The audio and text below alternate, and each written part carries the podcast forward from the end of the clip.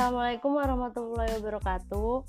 Jadi kan di podcast sebelumnya kita ngebahas tentang pembagian tasaruf. Nah, sekarang kita di sini bakalan ngebahas tentang pembagian tasaruf kauli hawiru akdi. Nah, pembagian tasaruf kauli hawiru akdi itu ada dua, yaitu perkataan yang berupa pernyataan sama perkataan yang berupa perwujudan. Perkataan yang berupa pernyataan itu penggandaan suatu hak atau mencabut suatu hak. Seperti contohnya itu tuh kayak ikrar talak. Jadi kayak misalnya seseorang yang mengucapkan ikrar talak kepada pasangannya. Nah itu terjadi hanya ijab saja.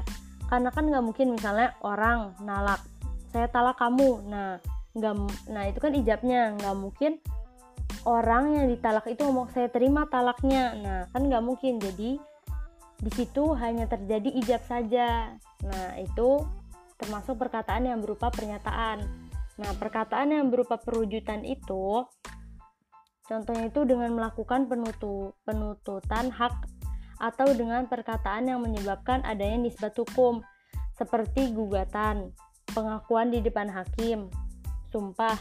Nah, tindakan-tindakan itu tidak bersifat mengikat sehingga tidak dapat dikatakan dengan akad. Tapi termasuk perbuatan hukum Kayak misalnya seseorang melakukan pengakuan di depan hakim. Nah, itu tuh termasuk tidak termasuk akad karena dia tidak mengikat.